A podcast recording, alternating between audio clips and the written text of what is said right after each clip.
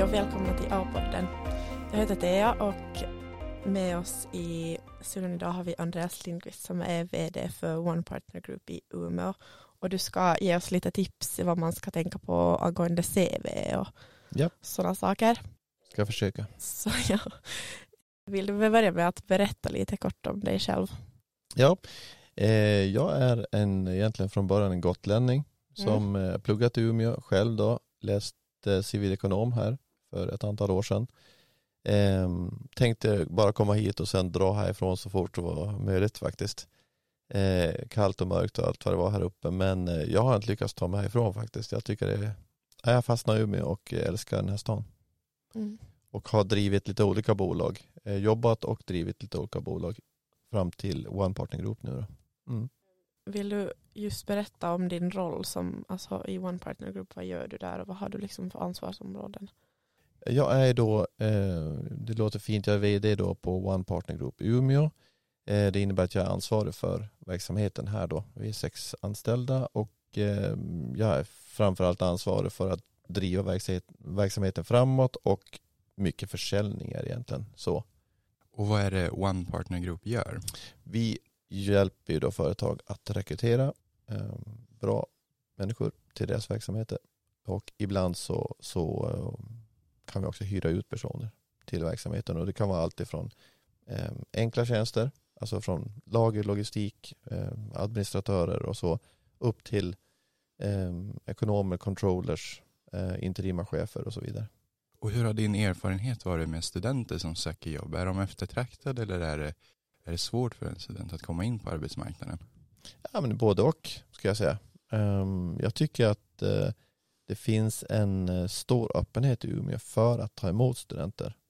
Att liksom ge dem en, en väg in och så vidare. Så att, eh, nej, men det, det, tycker jag nog har hört. Eh, om man säger så här så, jag tycker att studenterna har ofta så pass lätt att komma in så de behöver inte inte alltid gå via oss om man säger så. Utan de hittar ofta en väg in själva till företagen. Eh, när man kommer till oss som rekryteringsbolag så kan det vara att ja, men då vill man ha en specialist, någon som kanske har i alla fall tre, fyra års erfarenhet. Till exempel en IT-systemutvecklare eller en, en ekonom som har lite erfarenhet liksom i ryggen och så. Men de här första nybakade, de, de, de hittar ofta vägen själv ut på bolagen. Då. Jag har en fråga om, om LinkedIn. När jag pratar med många klasskamrater, då, de vet att det finns, de vet att det är viktigt, men det är få som tar det seriöst. Eh, mm. Hur viktigt skulle du säga det är att ha en komplett profil på LinkedIn när man söker jobb och, och också liksom vid sidan om CVt? Mm. Jag tycker att det är jätteviktigt att, för det är ju en arbetssökarportal verkligen. Så att jag, tycker det, jag tycker det är bra att eh, tänka igenom eh, sin LinkedIn-profil. hur ser det ut där? Och det går ju att göra så otroligt mycket mer än vad de flesta gör. De flesta går ju bara in och så starta en profil. Kanske om man lägger upp en profilbild då, i alla fall. Då. Eh, men det går att lägga upp jättemycket där och verkligen visa vem man är. Eh, och eh, när ni förberedde mig inför det här programmet mm. så sa ni också så här, men vad, vad ska man tänka på när man söker jobb och sådär och, och, och liksom hur hur framställer man sig? Och, och jag menar framförallt tycker jag att det viktigaste är ju, alltså vem som helst kan ju snacka gott om sig själv.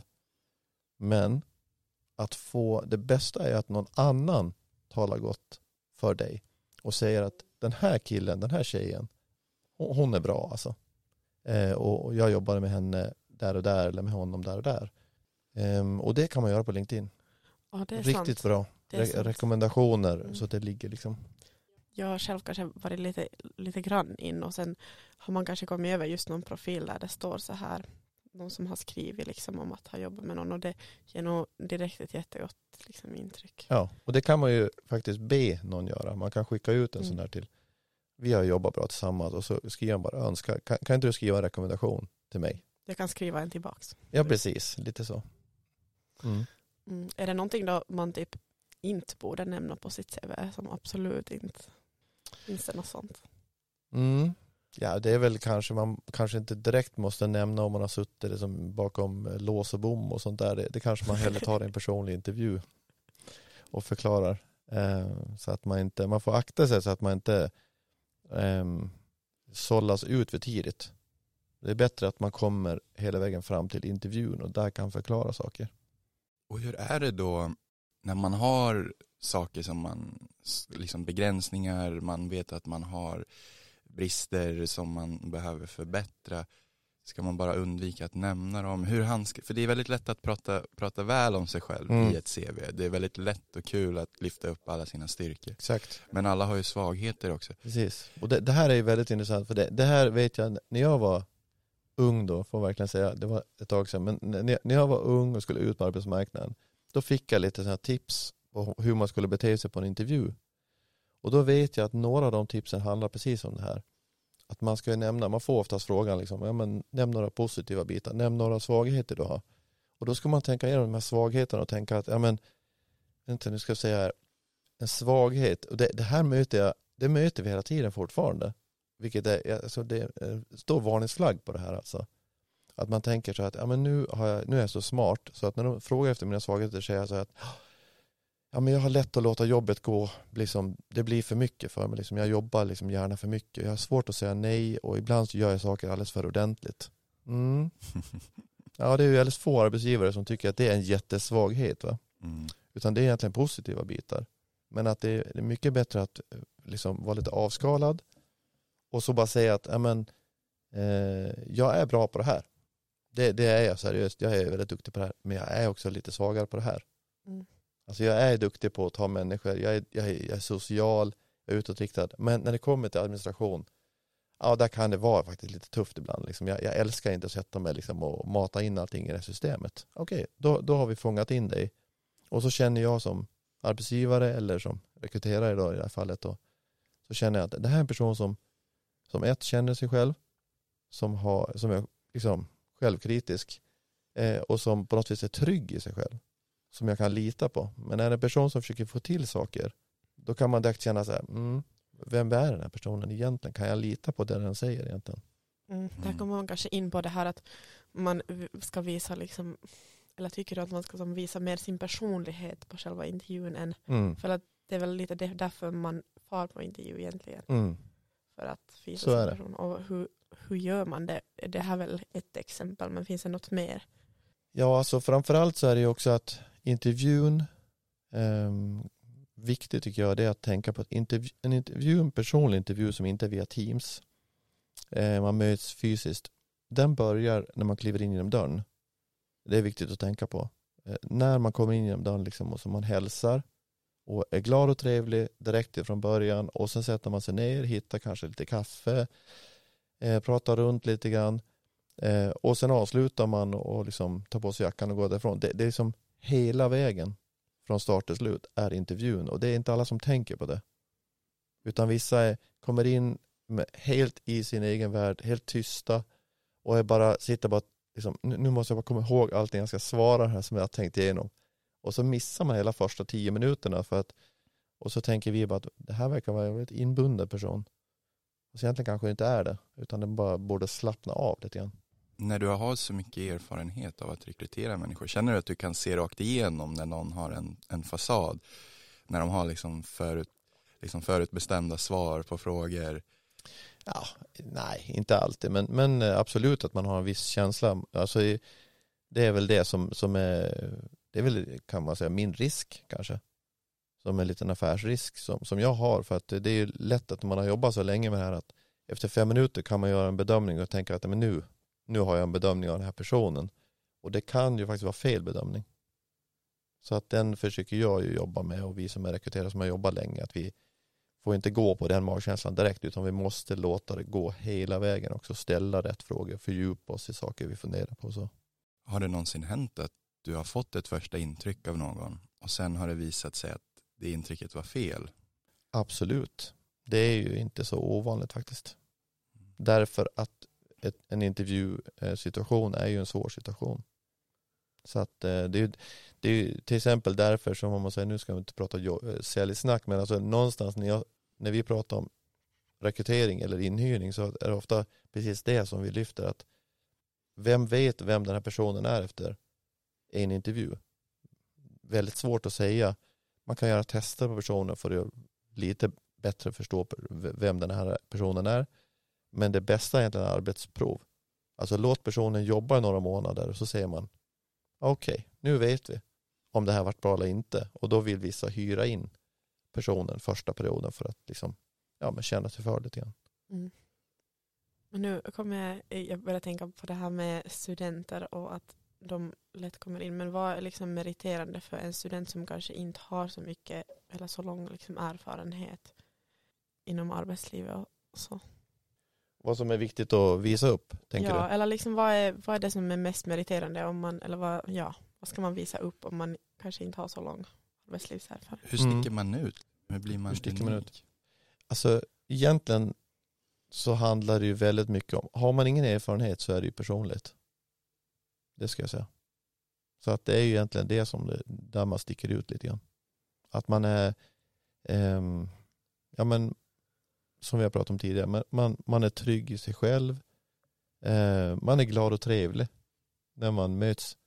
Och någonstans i slutändan handlar det ändå om att eh, man ska jobba på en arbetsplats tillsammans med andra. Man ska vara en likable person på något vis. Ja, men okej, vi, vi, vi möts i jobbet, vi möts på fikarummet, kanske på en AV. Vill jag hänga med den här personen eller inte? Liksom. Mm. Och då ibland kan det gå liksom, långt förbi kompetens att man har rätt personlighet. Så det är det man eh, har som, som nybakad och som junior. Då har man ju mycket sin personlighet att vinna med. Nyfikenhet är också väldigt viktigt. Mm. Ställer frågor, liksom.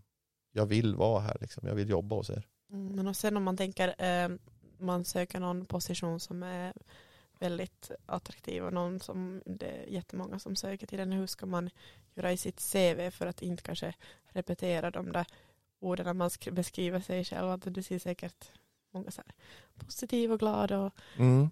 jag, jag, jag, tänker så här. Tänk, um, lägg hellre mycket tid på att söka få jobb än att lägga lite tid på att söka många jobb. Eh, på varje, så att säga, varje ansökan. Så, så, att fundera istället på vilket jobb vill jag verkligen ha? Och så går du all in på det. Alltså det, det är det som håller i, i slutändan. För att det, det, mm, man kan ju både snickra sitt CV utifrån exakt det här jobbet. Så bygger man ett CV utifrån det. Personliga brevet 100% kopplat till exakt det här jobbet. Så att det, det, det finns det ens en, en känsla när jag öppnar upp personens personliga brev eller CV och jag ser att det här är ju copy-paste från tio andra jobb då får jag känslan att ja, den här personen är ute efter ett jobb, inte det här jobbet specifikt. Har du någon personlig erfarenhet av att någon har gjort någonting på en intervju som bara direkt gjorde att de var liksom strukna från, från en, en möjlig kandidat? Mm. Det var bara något direkt, nej det där kommer inte flyga. Ja men det finns väl många, många exempel på det egentligen. Um, men, men vi har också exempel på där vi Eh, egentligen det jag har sett igenom personer som inte riktigt har skött sig på sin intervju. Men vi har hjälpt dem igenom för vi tänker att det finns något annat bakom. Jag hade en kille som för många år sedan, han kom in, han eh, sökte som systemutvecklare och jag förstod inte varför har du inte jobb? Ehm, så, så jag tog in honom på intervju och eh, efter ungefär tre, fyra minuter då var han så svettig under intervjun och det här var bara med mig som rekryterare, det var inte ens slutjobbet va. Så det rann, alltså efter en halvtimmes intervju så var hela hans krage var dyngsur av svett. Så han var så fruktansvärt nervös. Mm. Och det var förmodligen det som gjorde att han inte heller kom till en anställning. Att han, han liksom hade svårt att uttrycka sig, han hade jättejobbet på intervjustadiet. Men han hade ju fina betyg. Så han kunde ju koda. Och det var egentligen det vi var ute efter. Så där utmanade vi en arbetsgivare och sa det att hyr in den här killen, vi coachar honom. Eh, han fick inhyrd ett halvår, arbetsgivaren kände att nej, men han behöver bli starkare i sin självkänsla. Ja, men vi coachar honom så vi jobbar ett halvår till. Och sen så, så tog de över honom. Så att han jobbar där sedan i åtta, nio år.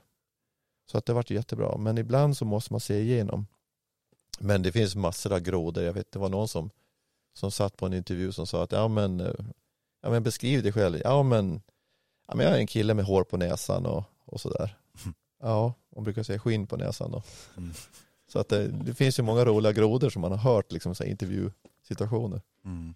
Men eh, det är väldigt sällan liksom det, det, blir så pass allvarligt så att man, ja men du, där sänkte du dig själv.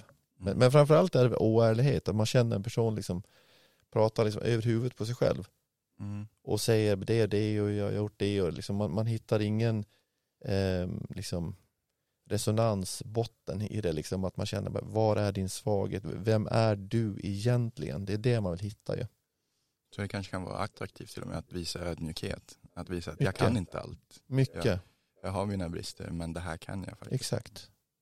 Ja, tiden går så eh, vi behöver avrunda. Men jag tänkte en sista fråga då. Du, du nämnde det här med nervositet och den här killen som var jättenervös.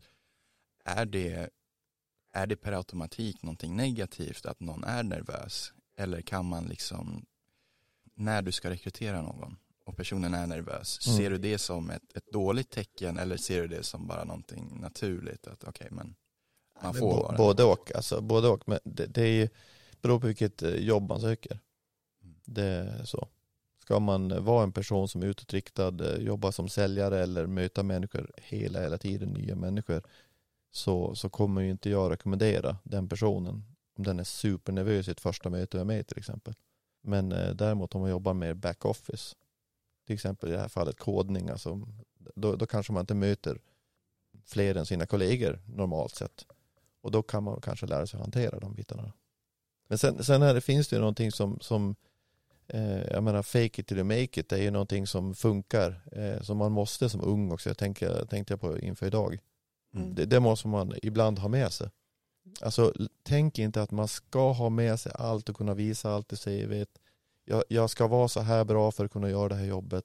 Mm. Jag menar, Man får krydda lite. Absolut, kör på liksom, tro på dig själv och, och liksom, man kommer ut på arbetsplatsen och tänker man liksom så många gånger man har tänkt, man, är där ute och så ja nu snart kommer de på mig liksom, jag kan ju inte det här egentligen men så, men Mm. man kör på ändå Mm. och till slut är man ju där och är trygg i, i det man gör.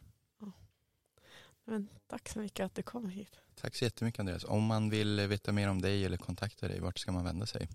Ja, man kan gå in på hemsidan då, One Partner Group, Umeå.